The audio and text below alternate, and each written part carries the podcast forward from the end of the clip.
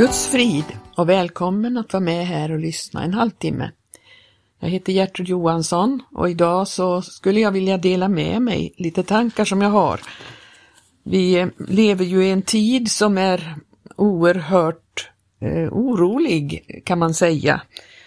Man hör dessa krigsförberedelser eh, och rykten och det är ju en tid som verkligen kan oroa för människorna.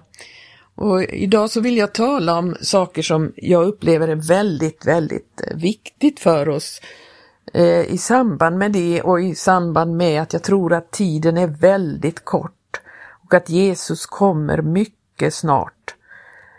Du och jag som är kristna måste verkligen vara förberedda och vara beredda på vad som kommer och kunna göra skillnad i vår tid också.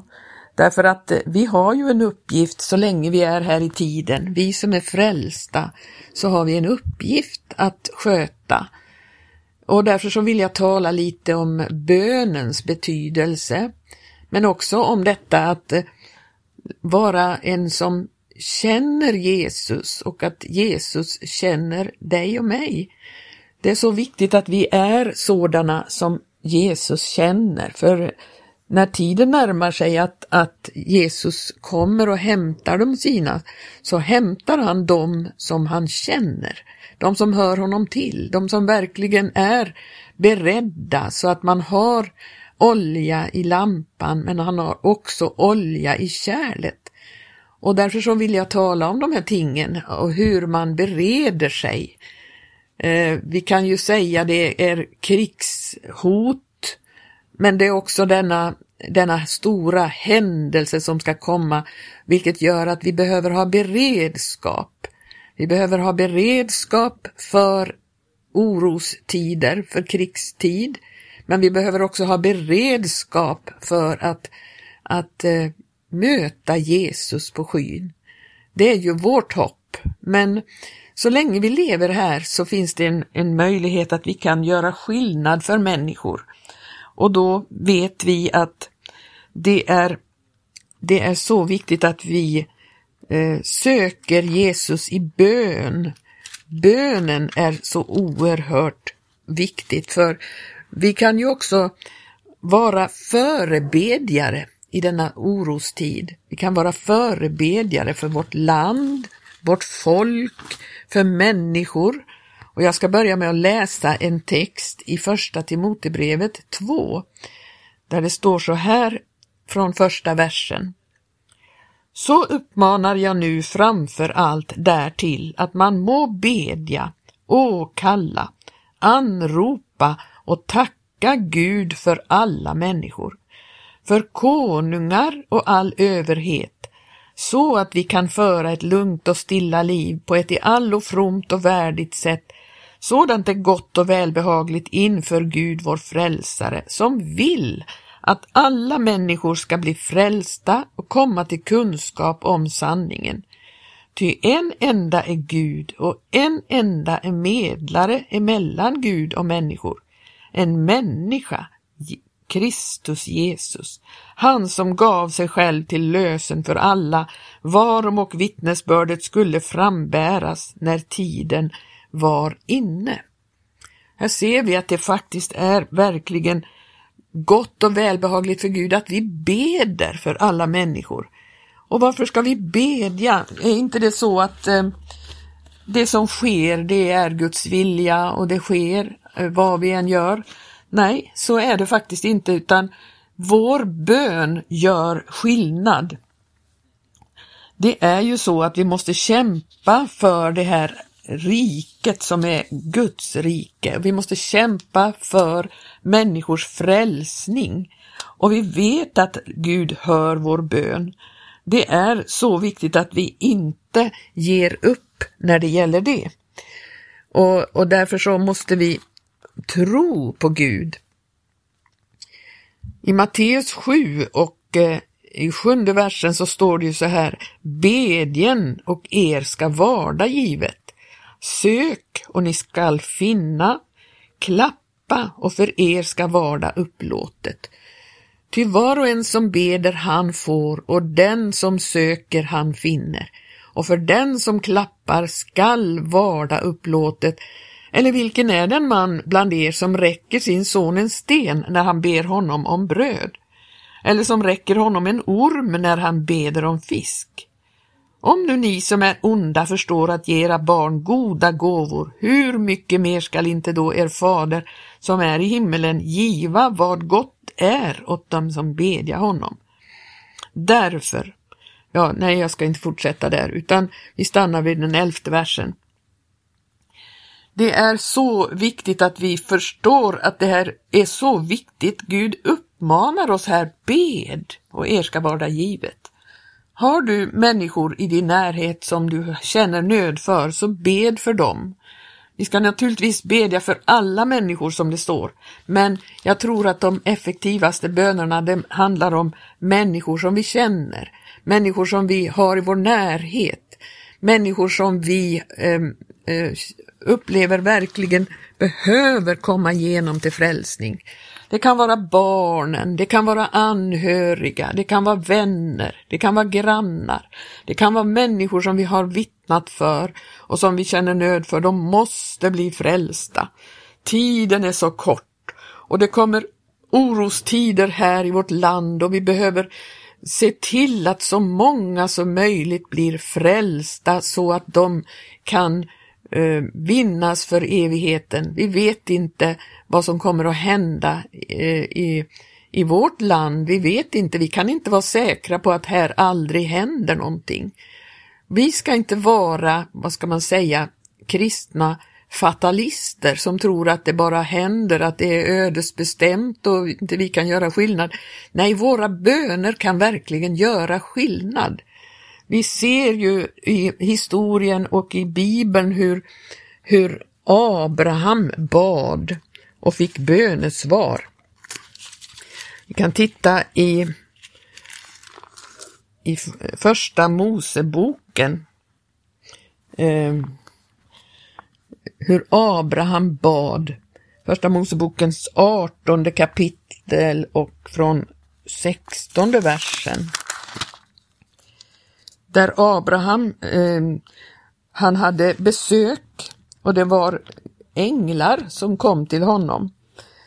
Eh, och, och, då stod det att de männen stod upp för att gå därifrån och vände sina blickar ner mot Sodom och Abraham gick med för att ledsaga dem. Och Herren sa, kan jag väl dölja för Abraham vad jag tänker göra? Av Abraham ska ju bli ett stort och mäktigt folk och i honom ska alla folk på jorden vara välsignade. Ty därtill har jag utvalt honom för att han ska bjuda sina barn och sitt hus efter sig att hålla Herrens väg och öva rättfärdighet och rätt, på det att Herren må låta det komma över Abraham som han har lovat honom. Och så sa Herren, ropet från Sodom och Gomorra är mycket stort och deras synd är mycket svår. Och så gick de ner mot Sodom, men Herren, där står det att Abraham stod ännu kvar inför Herren, för att en utav dessa var Herren, Herrens ängel, och så står det att Abraham trädde närmare honom och så ber han vill du då förgöra den rättfärdige till lika med den ogudaktige? Kan hända finns 50 rättfärdiga i staden. Vill du då förgöra dem och inte skona orten för de 50 rättfärdiga skull som finns där? Bort det att du skulle så göra och döda den rättfärdige tillika med den ogudaktige så att det skulle gå den rättfärdige liksom den ogudaktige. Bort det från dig. Skulle han som är hela jordens domare inte göra vad rätt är? Och så ber han för Sodom och han, han minskar antalet av rättfärdiga ända ner till tio stycken. Herre, vredgas inte över att jag talar allenast ännu en gång, kan hända ska tio finnas där. Och han, han svarade, jag skall då icke fördärva den för det tions skull. Och Herren gick bort sedan han hade talat ut med Abraham och Abraham vände tillbaka hem. Och så ser vi att Abrahams bön, den, det räckte inte med tio. Det, det fanns inte tio rättfärdiga där, men det står på ett annat ställe att Gud tänkte på Abraham och så frälste han Lot. Dina och mina förböner kan göra skillnad för människor. Att om Gud vill låta domen komma över det här landet, vilket jag tror är mycket nära, därför vårt land är ett, i ett sånt ogudaktigt eh, tillstånd och det går bara allt längre med denna ogudaktighet. Så en dom är helt nödvändigt att det kommer över det här landet. Men du och jag kan bedja. Vi kan bedja loss människor. Vi kan bedja så att människor blir frälsta och vi kan rycka dem loss ut ur det, denna dom genom att eh, vi har, går i förbön för dem. Det är verkligen viktigt. I Andra Moseboken så kan vi läsa om hur Mose bad för folket också. I Andra Mosebokens 30, eh, nej nionde, Andra Moseboken, vi ska se, eh, 32 versen, 32 kapitlet menar jag. Eh, ska vi se här. 32, Andra Moseboken 32, från eh, nionde versen så står det, det var efter att Israels folk hade gjort en guldkalv och gjort precis emot vad Gud hade sagt. Och det var fruktansvärt det de hade gjort. Från åttonde versen står det, de har redan vikit av från den väg som jag bjöd dem gå. De har gjort sig en gjuten kalv, de har tillbett, eh, den har de tillbett och den har de offrat och sagt att detta är din Gud Israel, han som har fört dig upp ur Egyptens land. Vad fruktansvärt! Vilket avfall! Och då säger Herren till Mose, jag ser att detta folk är ett hårdnackat folk, så låt mig nu vara på det att min vrede må brinna mot dem och på det att jag må förgöra dem. Dig vill jag sen göra till ett stort folk. Men så står det i elfte versen, men Mose bönföll inför Herren sin Gud och sa, Herre, varför skulle din vrede brinna mot ditt folk, som du med stor kraft och stark hand har fört ut ur Egypten? Varför skulle egyptierna få säga till deras olycka har han fört dem ut, till att dräpa dem bland bergen och förgöra dem från jorden? Vänd dig ifrån din vredesglöd och ångra det onda du nu har i sinnet mot ditt folk. Tänk på Abraham, Isak och Israel, dina tjänare, åt vilka du med ed vid dig själv har givit det löftet. Jag ska göra er säd talrik såsom stjärnorna på himmelen och hela det land som jag har talat om ska jag giva åt er säd och de ska få det till evärdlig arvedel. Och då står det i fjortonde versen, då ångrade Herren det onda som han hade hotat att göra mot sitt folk. Tänk att Mose förbön betydde så mycket för det här folket. Och i 32 versen så står det, eller 31 versen så står Mose gick tillbaka till Herren och sa, ack, detta folk har begått en stor synd. De har gjort sig en gud av guld, men förlåt dem nu deras synd. Var om icke så utplåna mig ur boken som du skriver i.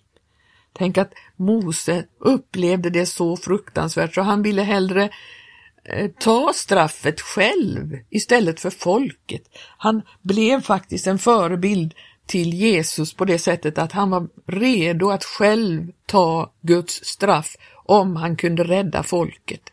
Så gick han i förbön på det sättet. Han, han eh, la sig själv som ett offer för deras skull. Så, så oerhört djupt gick han in i förbön för folket. Men då säger Herren, Herren svarade Mose, den som har syndat mot mig, honom ska jag utplåna ur min bok.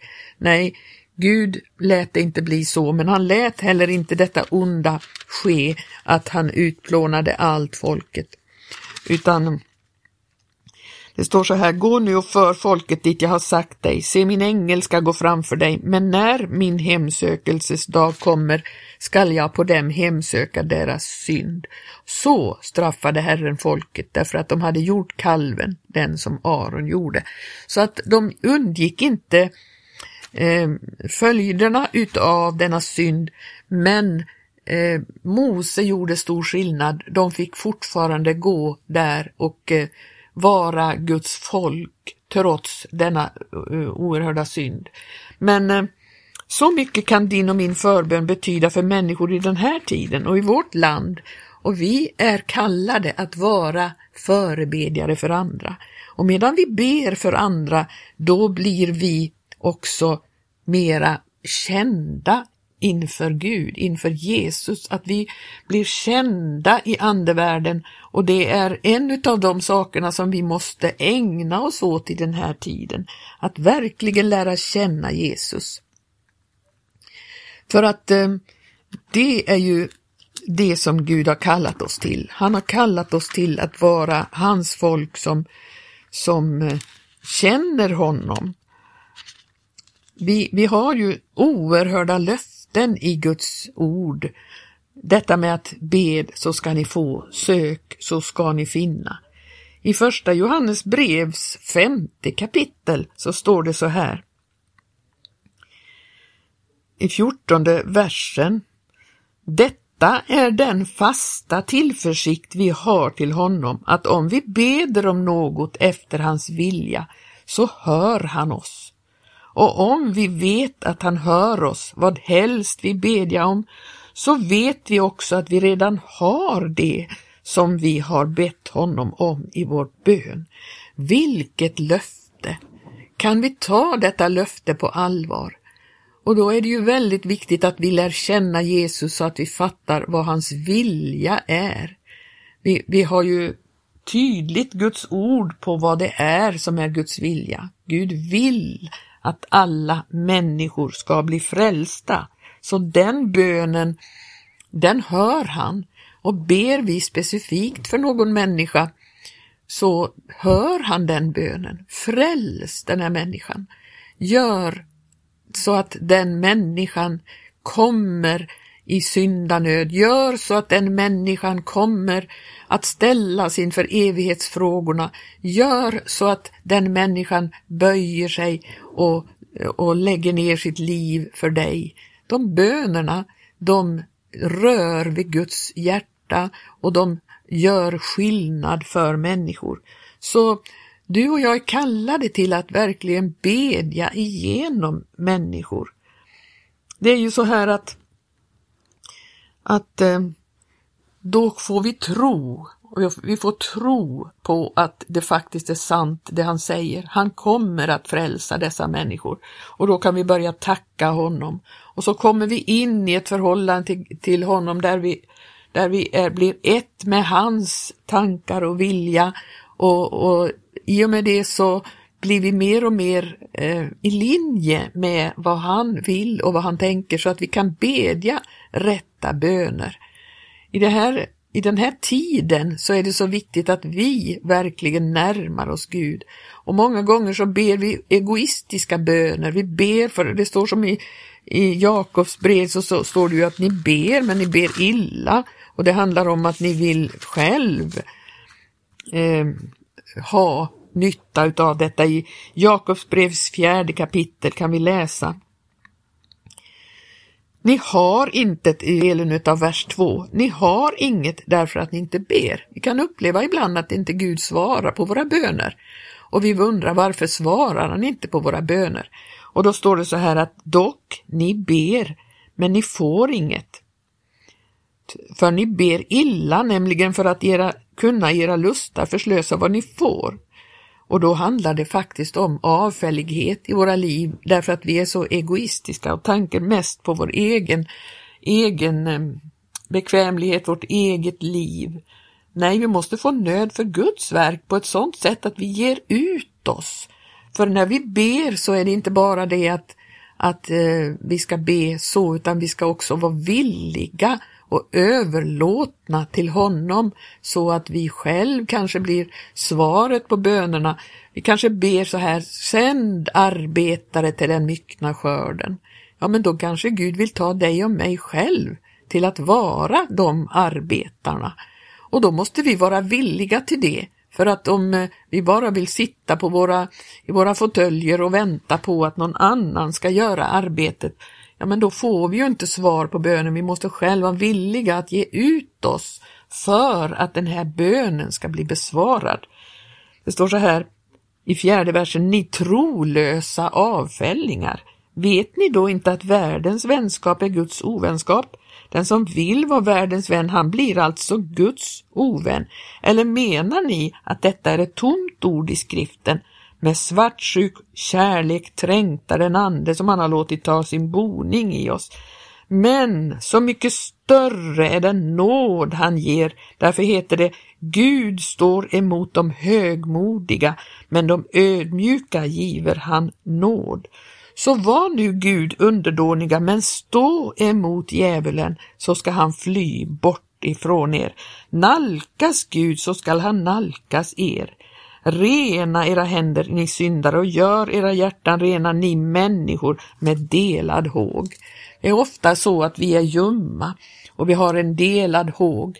Nej, vi måste ge hela vårt hjärta åt Jesus, hela vårt liv, hela vår kraft, hela vår engagemang till honom så att inte vi låter världen styra och ställa i våra liv, att världens eh, måttstock får gälla. Nej, i vår tid är det ju ljumheten som råder. Vi får inte höra till dem som är ljumma. Vi måste vara brinnande. Vår lampa måste brinna. Vi måste ha olja i kärlet också så att lampan förblir brinnande till dess han kommer. Då hör vi till dem som han känner. Därför den som kämpar med Gud, den gör det eh, verkligen och då lär Gud känna oss och vi lär känna honom. I Matteus 6 så står det så här.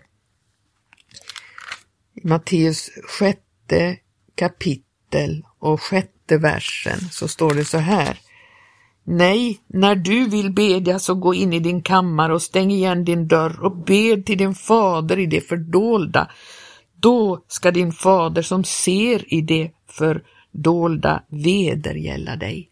Detta handlar väldigt mycket om den dolda, den kammarens bön, när vi kämpar eh, för människors frälsning med Gud i bön.